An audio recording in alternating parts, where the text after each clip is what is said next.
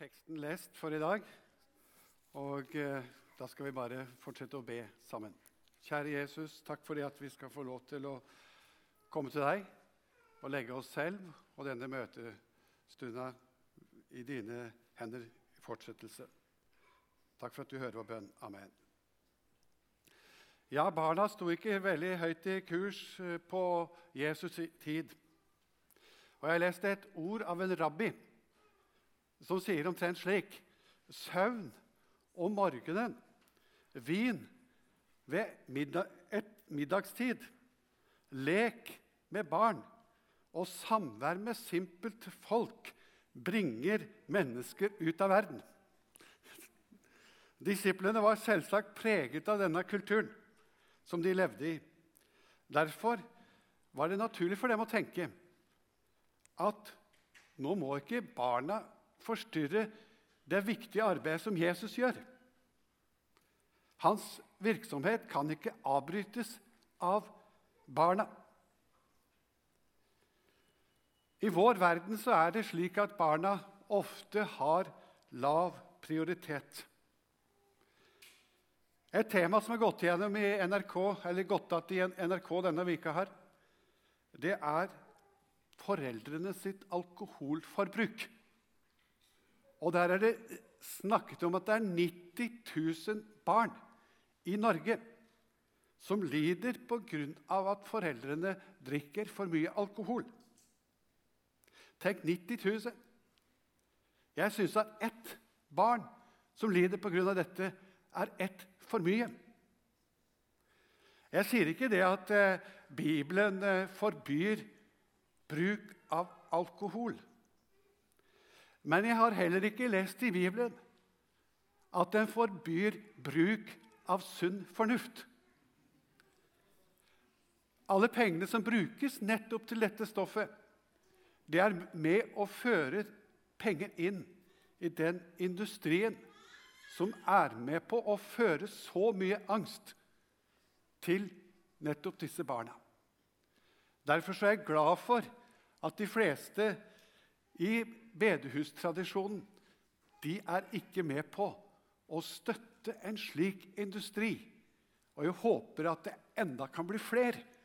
Og jeg har frimodighet til å si det er ikke skadelig å bruke sunn fornuft på dette området. Det andre punktet som jeg syns vi kan peke på i forbindelse med denne teksten, der, det er at det er nesten 14 000 menneskebarn, små menneskebarn som prioriteres bort på norske sykehus. Dette i vårt lille land, vårt rike land, vårt gode land. Og så tier vi. Vi har kanskje stilletiende akseptert denne uretten. Og det tredje jeg har lyst til å understreke, at der hvor naturkatastrofer, krig, rår, der er det som regel de svakeste det går utover.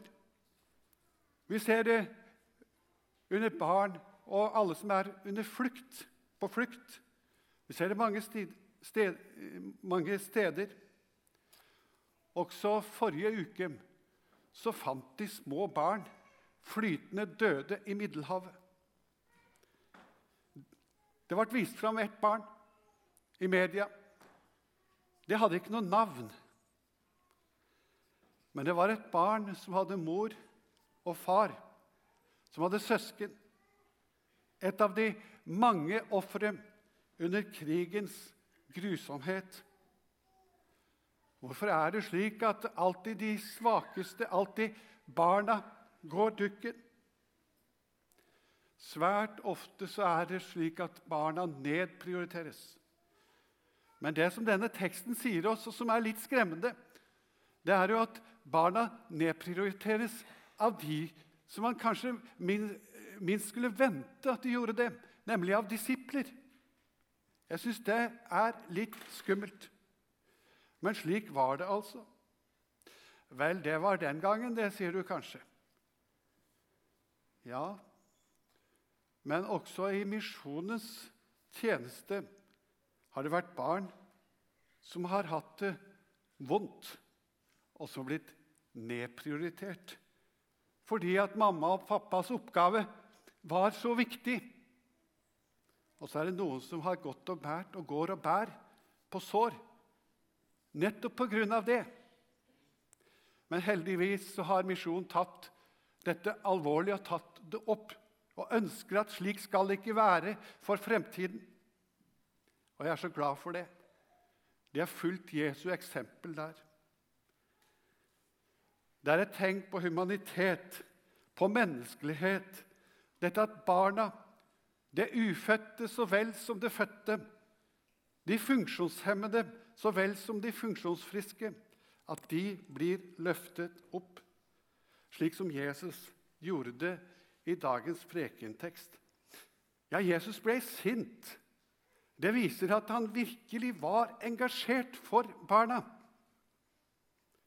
Vi i Misjonssalen vi ønsker ikke å ligne disiplene på denne, den, det de gjorde der, og vise barna bort.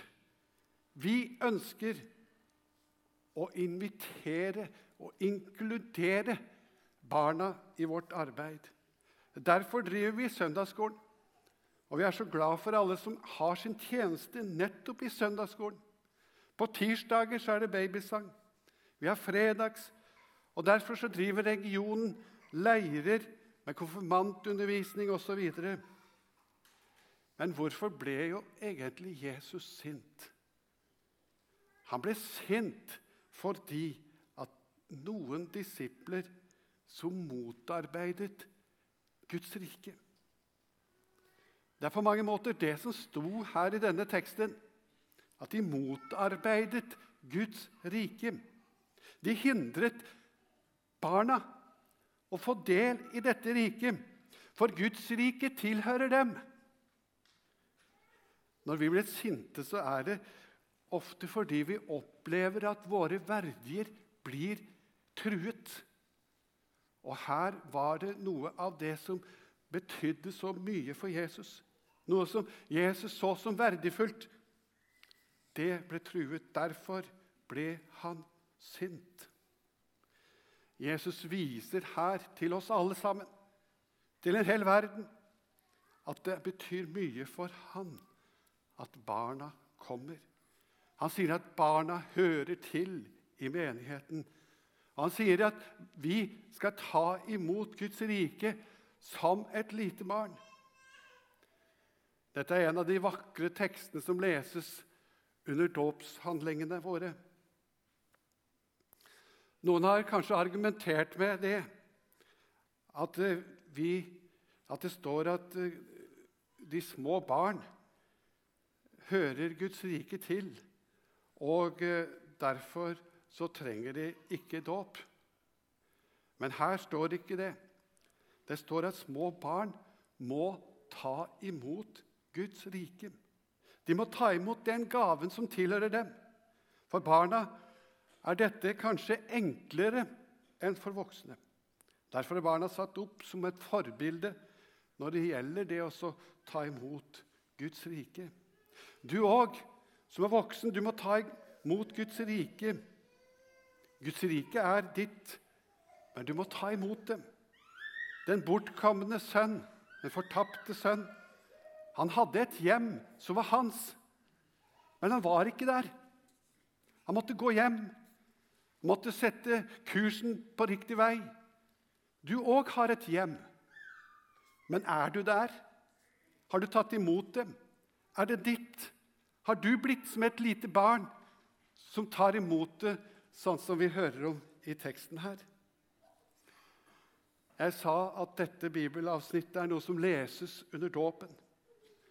Dåpen er et nådemiddel, et sakrament som er innstiftet av Gud. Det vil si at hver gang noen blir døpt, så er det ikke vi som døper. Det er viktig å tenke over. Vi er bare små tjenere, vi, som utfører et oppdrag som Jesus har bedt oss om å gjøre. Det er ikke jeg, det er ikke Hans Arne eller Jørn som døper, selv om det er vi tre som døper her i misjonssalen. Vi døper på ordre fra Jesus. Vi er sendebud i hans sted. Vi representerer Han og døper i Faderen og i Sønnen og Den hellige ånds navn. Jeg vet ikke, men det kan hende at det er dette alvoret som mange ganger fyller meg under dåpshandlingene. Jeg syns det er veldig stort å få være med og døpe, å få være et sendebud, en representant for Kristus. Å døpes i Guds navn er nemlig ikke å døpes av mennesker, men å døpes av Gud selv. Selv om det skjer ved et menneskes hånd, så er det sannelig Guds gjerning likevel. Dåpen er ikke rett og slett vann, men den er vann som er innesluttet i Guds ord og befaling og helliget ved det. Når ordet kommer til elementet, vannet i dåpen og vinet og brødet i nattverden, så blir det et sakrament. Og sakramentet det er et synlig middel hvor Gud skjenker sin uendelig store nåde. Det er noe å tenke over det. I dåpens vann så knyttes altså barnet til Jesus. Og Det er ikke så ofte vi hører fra Luthers lille katekisme fra talerstolen her. Men jeg har lyst til å ta med noen få ting derfra i dag. Litt. Hva er dåpen? Dåpen er ikke bare vann. Den er vann som er helliget ved Guds befaling og forenet med Guds ord. Hva er Guds ord og befaling om dåpen? Vår Herre Jesus Kristus sier, 'Meg er gitt all makt i himmel og på jord.' Gå derfor ut og gjør alle folkeslag til disipler, idet dere døper dem til Faderens og Sønnens og Den hellige ånds navn, og lærer dem å holde alt det jeg har befalt dere. Og se, jeg er med dere alle dager inntil verdens ende. Hva gagn, spør han, har vi av dåpen? Dåpen virker syndenes forlatelse, frelse fra døden og djevelen, og gir evig salighet til alle som tror. Dette er Guds ord og løfte. Hvordan lyder så Guds ord? Vår Herre Jesus Kristus sier, 'Den som tror og blir døpt, skal bli frelst.' 'Men den som ikke tror, skal bli fordømt.' Hvordan kan vann gjøre så store ting? Vann gjør det ikke. Guds ord som er forenet med vannet og troen som liter trygt på dette ordet. Uten Guds ord er vannet bare vann og ingen dåp.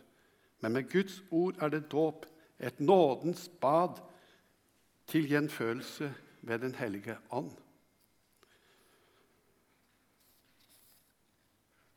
Hva er det som kjennetegner barnet? Er det det at det er så ydmykt? At det er så fromt? Jeg har, har tre barn. Jeg har egentlig ikke opplevd at noen var særlig ydmyke når de trengte noe, når de var bitte små. Og ikke var de, unnskyld at jeg sier det, men var ikke noe særlig fromme heller. Det var skrik, og det var hjelpeløshet som var det store kjennetegnet når de var veldig små. Det syns jeg er liv å tenke på. Hva er det Jesus vil lære oss i dette avsnittet? Jeg tror for det første så vil Jesus lære oss noe om Gud. Om hvordan Gud på en måte tar seg av den som ingenting klarer å prestere selv. Den som ikke klarer å gjøre en eneste god, from handling. Bare være der og bli behandlet. Slik tenker jeg at Jesus vil vise oss i dag. Bare bli omsluttet av kjærlighet. Det er det ene som jeg tror at Jesus vil lære oss. Og Det er derfor han setter liksom barna opp og sier at det skal bli slik. Små, hjelpeløse, som disse barna. Veldig viktig. Det viser oss at barna er avhengige. De er små og avhengige av de som står rundt. Og slik er det også med deg i forhold til Gud. Du er avhengig av ham, fullt og helt. Av Gud, av Jesus, av Den hellige ånd. Vi oppdrar gjerne ungene våre til selvstendighet. Det skal vi gjøre. Det er viktig at barna våre blir selvstendige individer. Men jeg tror Gud oppdrar sine barn på en annen måte. Jeg tror han oppdrar dem til avhengighet. Til avhengighet av ham. Jeg tror at når du vokser i tro, så blir du på en måte mer og mer hjelpeløs og mer og mer avhengig av at han handler med deg. Jeg tror det er en sann vokster. Han skal vokse, jeg skal avtra. Jeg fant et uh, vitnesbyrd som jeg har lyst til å dele med dere.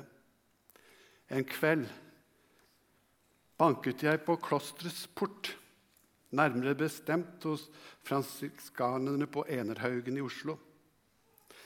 I flere år hadde jeg levd med etterdønningen av en konflikt. Hadde mål, jeg hadde tatt mål av meg til å kunne løse denne konflikten, men det gikk ikke. Jeg ble fortvilet og nedstemt, og jeg søkte hjelp. Min veileder ga meg straks et råd. Overraskende til psykiater å være foreslo han at jeg skulle gå til Skriftet. Og det hos en pater så og så. Jeg hadde nydelig vært hos en prest i Den norske kirke og skriftet, så jeg bet tenna sammen og bestemte meg at jeg skulle ta den legen sin medisin. Klosterporten åpnes av en ung, litt gutteaktig mann. Han smilte vennlig og ba meg inn til sitt kontor. Der satte han seg bak skrivebordet, og jeg fikk plass på en stol vis-à-vis. Litt rart for en personlig samtale, tenkte jeg. Likevel kunne jo det bli fint å fortelle enda en gang. Men den gang ei. Stikk i strid med god sjelesorgskikk gikk pateren i gang med en preken. Han snakket gebrokkent, litt barnslig norsk. Det meste har jeg glemt, men noe brente seg fast, som f.eks. dette. Nå skal høre. Det er ikke Guds vilje at du skal gå rundt og være trist. For Guds rike er glede og fred. Men Gud kan bare gi sitt rike til barna. Så hvis du ikke vil være som et barn, kan du ikke bli glad. Og så det andre. Det er så lite Gud kan gi de store og prektige. Men det er så mye han kan gi de små. Noe snudde seg, sier han i vitnesbyrdet, denne kvelden i klosteret. Langsomt vendte gleden tilbake. Sammen med lettelsen over at jeg slettes ikke trenger å klare alt. Tenk å få være et lite barn på Guds fang. Det er det det skal inviteres til i dag. Jeg tror det kan snu noe ved at du og jeg, vi får lov til å bli som barn.